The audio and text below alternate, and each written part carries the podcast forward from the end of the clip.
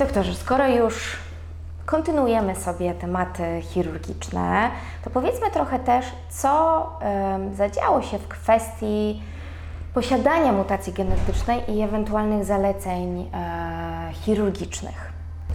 Generalnie rzeczywiście ten temat też był no, omawiany na, na konferencji w St. Gallen. E, No, trochę się zmienia rzeczywiście w, w, tych, w tych kwestiach. Generalnie chodzi o, o wskazania do mastektomii, e, do mastektomii profilaktycznych, do mastektomii e, drugiej piersi w przypadku już operacji pierwszej, pie, znaczy pierwszej tej chorej piersi. E, Także e, no, mm, dotyczy to też e, możliwości leczenia oszczędzającego u tych pacjentek. Także było kilka, e, kilka tematów, które się pojawiły e, i które są, e, no, mogą być ciekawe dla, dla pacjentek. No właśnie, czy możliwe jest e, leczenie oszczędzające w przypadku posiadania mutacji, na przykład takie jak BRCA1 czy BRCA2? Tutaj chyba te zalecenia się pewnie nie zmieniają, prawda? Mm, Jest taka możliwość, jak gdyby cały czas mamy możliwość leczenia oszczędzającego. No, po pierwsze, nie wszystkie pacjentki e, no, życzą sobie, żeby wykonać mastektomię. E, To jest jedna rzecz. E, Druga rzecz jest taka, że mm, wyniki tego leczenia, jeśli chodzi o całkowite przeżycia tych pacjentek, e, czyli mówiąc w skrócie, długość życia, czy długość życia m, bez przerzutów, e, czy bez jakiejś wznowy, mówiąc tak e, m, ogólnie, jest bardzo podobna do pacjentek, u których wykonano mastektomię. Oczywiście u pacjentek z leczeniem oszczędzającym mamy dużo większy odsetek wznów miejscowych i to trzeba jak gdyby y, powiedzieć. Przynajmniej y, kilkukrotnie jest ten odsetek większy i on stopniowo wzrasta w, y, no, w czasie od leczenia oszczędzającego. Także mm, tu na pewno powinniśmy o tym pamiętać. Tak gdyby sprawa jest o tyle skomplikowana, że no to, jest, to są pacjentki w różnych, na różnym etapie y, życia, y, w różnym etapie jak gdyby swojej kobiecości. To są też ważne rzeczy. E, Ważne jest to, czy jest to mutacja BRCA1 czy BRCA2, bo też mogą być różne e, wskazania. Ważne jest to, czy pacjentka już miała operację jednej piersi i zastanawiamy No się nad operacją drugiej piersi. Na pewno w przypadku e, operacji tych takich najcięższych, czyli BRCA1, BRCA2 najcięższych w sensie takim, że one dają największy odsetek, e, największe ryzyko zachorowania na e, raka piersi, no powinniśmy pacjentki kwalifikować do mastektomii z jednoczasową rekonstrukcją i po drugiej stronie, jeśli pacjentka miała raka, do mastektomii redukującej ryzyko raka piersi. To też jest ważna rzecz, słowo redukujące ryzyko. Właśnie, o to też chciałam zapytać, bo, bo zauważyłam też tę tendencję do zmiany nazewnictwa, że nie jest to profilaktyczna mastektomia, tylko jest to e, tak zwana risk reducing mastectomy, czyli mastektomia re, redukująca ryzyko, co też w pewien sposób pokazuje, jak my zaczynamy myśleć o tych zabiegach no, takich ratujących życie czy zmniejszających to ryzyko. To też jest znamienne. No tak, to jest kalka z angielskiego rzeczywiście y, i, y, i w tej chwili w ten sposób powinniśmy mówić o tych, ym, o tych operacjach, że to są operacje redukujące ryzyko zachorowania na raka piersi, bo rzeczywiście słowo kluczowe to jest y, redukujące, czyli nie zmniejszające, nie likwidujące całkowicie, tylko redukujące, czyli zmniejszamy częściowo. Oczywiście my to zmniejszamy o po, w przypadku mutacji BRCA1 czy BRCA2 o ponad y, 10 razy, bo y, ryzyko zachorowania w przypadku BRCA1 jest około 80 kilku procent, 84 powiedzmy, a możemy zredukować to, y, to ryzyko do, do 5-6%, także to jest bardzo dużo. E, Więc y, no, to jest ważne, ale pacjentki muszą wiedzieć o tym, że to nie jest też sytuacja taka, że mm, nigdy w życiu u tych pacjentek nie może wystąpić jakaś wznowa, czy też pierwotny nowotwór. E, Te kilka procent nadal jest y, ryzyka. Oczywiście to jest już bardzo mało w odniesieniu do takich, do takich dużych liczb jak 80 y, kilka Tak. procent. ale już z drugiej strony na przykład y, to, co też powiedziano, y, co też poruszono jak gdyby na konferencji w tym roku, to są mutacje BRCA2 y, u pacjentek w okresie pomenopauzalnym, e, czyli mm, te starsze pacjentki. U tych, y, u tych pacjentek już y, wskazania do usuwania drugiej piersi No już wcale nie są aż tak oczywiste y, i raczej zaleca się w tej chwili samą obserwację. To samo dotyczy mutacji przykład CZEK2 czy mutacji ATM. E, W tych przypadkach też pacjentki raczej są, zalecenia są takie, żeby raczej obserwować. Natomiast na pewno BRCA1 e, i mm, zarówno u młodych pacjentek, jak i u starszych to absolutnie jest wskazanie do, do, y, do mastektomii redukującej ryzyko. Podobnie w przypadku BRCA2 u młodych pacjentek. Mhm. E, o coś jeszcze chciałam zapytać, wyleciało mi. E, a, wiem. E, a w sytuacji posiadania mutacji BRCA1, na przykład po przechorowaniu już i jednostronnego nowotworu złośliwego piersi, czy to ryzyko e, ono będzie w dalszym ciągu w, tych granicach 80 kilku procent zachorowania w drugiej piersi, czy to się jakoś też niweluje? Tak z ciekawości pytam. Znaczy, chyba odpowiedzi na to pytanie to nie znam, jeśli mam być szczery. Mhm. E, takich statystyk generalnie no, dotyczy to mm, obu Ogólnie. piersi, prawda? Mhm. E, ryzyko zachorowania na jedną no, nie wyklucza też zachorowania na Mhm. drugą, na, znaczy na raka drugiej piersi. Także to ryzyko na pewno, e, na pewno jest. Generalnie wskazania do, do, do tych mastektomii, mm, no, tu musimy też podkreślić to jeszcze raz, dotyczą przede wszystkim pacjentek z- wysokich grup ryzyka, czyli BRCA1, BRCA2, czy no bardzo, bardzo mocno obciążony wywiad rodzinny, czy jakieś inne mutacje typu em, TP53, czy, czy mutacje takie CDH1, gdzie występują raki zrazikowe. E, Natomiast w przypadku tych pacjentek, które mają trochę jak gdyby niższe ryzyka, na pewno powinniśmy już y, no, odbyć niejedną rozmowę z tą pacjentką. Po pierwsze, y, wydaje się, że y, oczywiście zmniejsza się ryzyko zachorowania na raka piersi po usunięciu tej piersi, prawda? Natomiast y, u tych pacjentek, które mają trochę te niższe ryzyka, e, jak gdyby całkowite przeżycia mm, są bardzo porównywalne i to pacjentki powinny usłyszeć od swojego y, chirurga i to jest y, ważne. Na pewno trzeba pamiętać o tym, że y, operacje z y, jednoczasową rekonstrukcją są na pewno dużo większe niż leczenie jakieś tam oszczędzające. Y, y, I to też trzeba mieć tego świadomość. Y, Ale w sumie też jeden był bardzo fajny slajd y, y, na, na konferencji, który pokazywał jak gdyby jaka jest, y, dlaczego pacjentki wybierają mastektomię drugiej tak. piersi. E, No i to w ogóle e, gdyby zaskakujące, no bo oczywiście nie chodziło o to, żeby sobie tam powiększyć pierś, czy o to, żeby wyrównać, czy o to, żeby nawet zredukować jakieś tam ryzyka. Te pacjentki chcą mieć święty spokój. Po prostu y, potrzebują, y, nazwijmy to, czystej głowy, prawda? Y, żeby sobie już nie zaprzątać tym problemem dalej No, żeby się nie stresować. nie stresować, Myślę, tak. właśnie I to jest jak gdyby zdecydowana większość pacjentek odpowiadała właśnie w ten sposób, że one potrzebują y, no, y, tego, tej redukcji stresu. Mhm.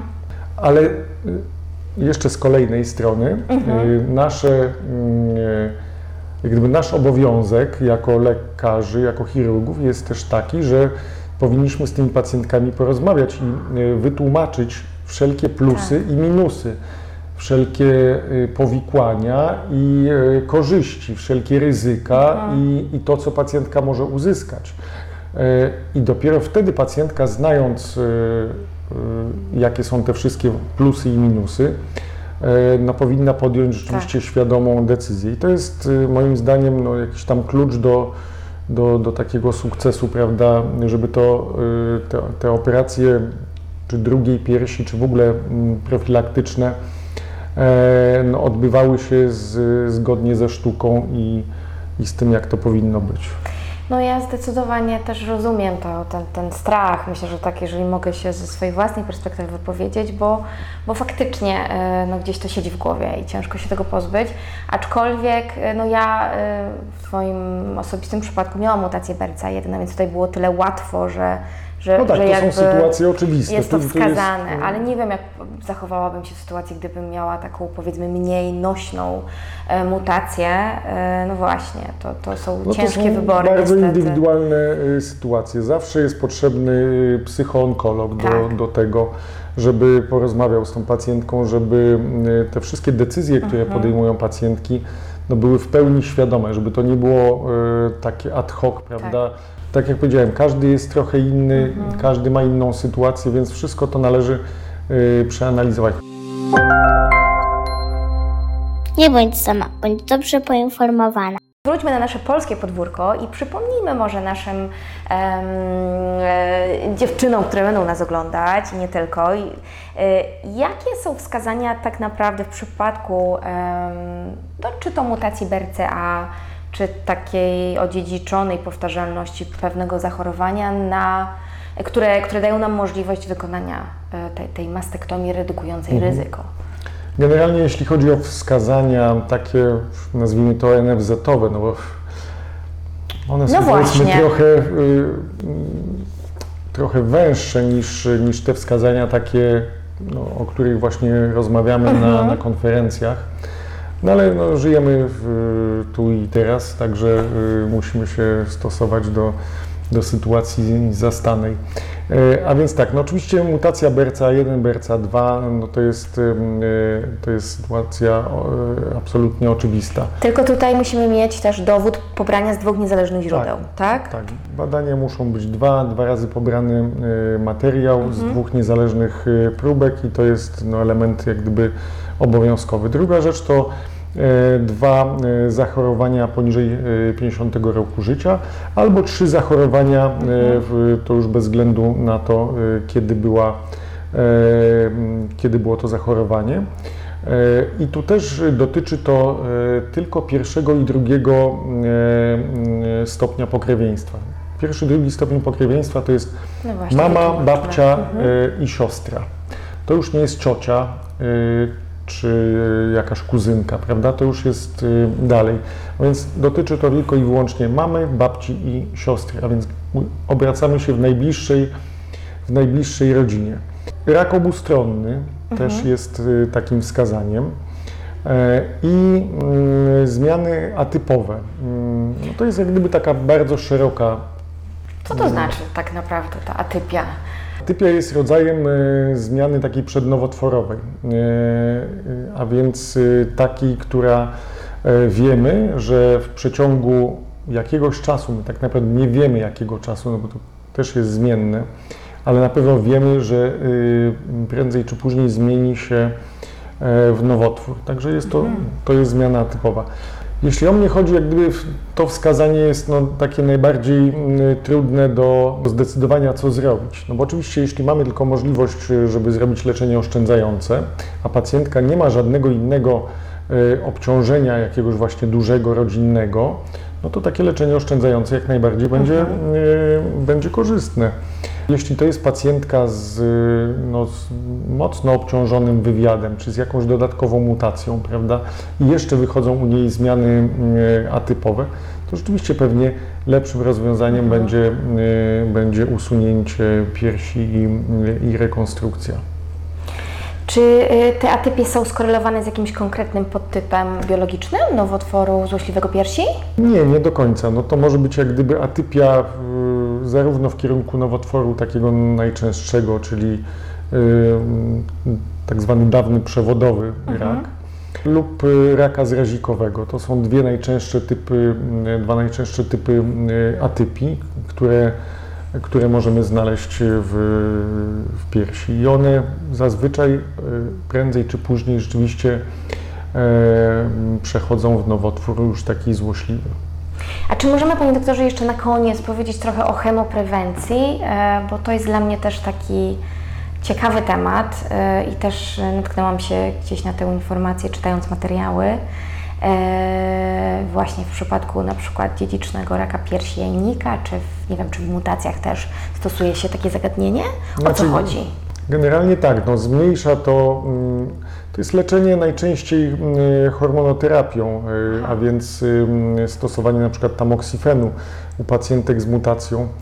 Aczkolwiek y, co do samych... mm, Czyli jeszcze zdrowych pacjentów, tak, tak? aczkolwiek jeśli mam być szczery, to y, ja osobiście nie znam żadnej takiej pacjentki, Mhm. która w Polsce y, otrzymywałaby tego typu leczenie. Po pierwsze, no nie do końca, aczkolwiek no, w podręcznikach jest to, jest, y, jest zawsze o tym mowa, no, ale z drugiej strony, no, żeby stosować takie leczenie, też powinniśmy wiedzieć, czy pacjentka ma receptory estrogenowe, no bo jeśli Mhm. nie ma i progestagenowe, jeśli nie ma, no to też to leczenie jest, e, no, powiedzmy, mało skuteczne.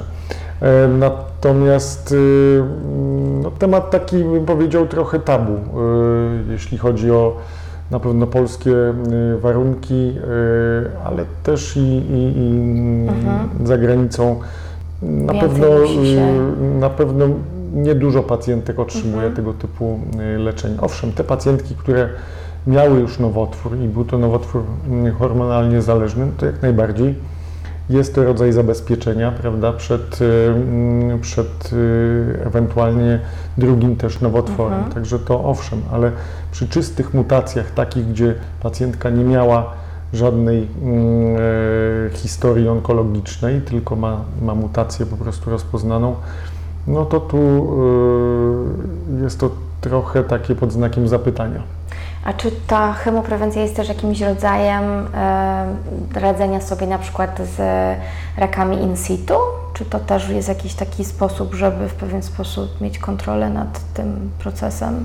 Znaczy w przypadku raków e, in situ no, stosujemy też, jeśli, Mhm. e, jeśli to są nowotwory hormonalnie zależne, no to jak najbardziej, e, jak najbardziej podawanie tamoksifenu jest zalecane. No to też oczywiście zależy od wieku, od wielkości tej, tej zmiany, ale tak, jak najbardziej stosujemy. Wiele, wiele ciekawych wątków. Bardzo dziękuję, że znalazł Pan e, dla nas czas, żeby o nich opowiedzieć. Będziemy dalej śledzić to, co się dzieje i mam nadzieję, że za jakiś czas, kiedy znowu pojawią się nowe zalecenia, e, nowinki medyczne, e, te, również te związane z, z chirurgią, to będziemy mieli okazję jeszcze porozmawiać. Bardzo, bardzo dziękuję. Proszę bardzo, cieszę się, że mogłem podzielić się informacjami. Na pewno rzeczywiście będzie się e, działo w, w kolejnych latach i, i, i te kolejne konferencje coś nowego nam e, pokażą, chociażby to, co powiedziałem o tych węzłach chłonnych, to rzeczywiście No może być duża rewolucja, e, no ale jeszcze potrzebujemy kilku lat, żeby to były badania w pełni zakończone i żeby te, te wyniki były no, w pełni miarodajne. A więc będziemy śledzić zdecydowanie, a Wam dziewczyny dziękuję za uwagę. Zapraszam, e, abyście oglądały kanał, śledź- śledźcie, lajkujcie, subskrybujcie.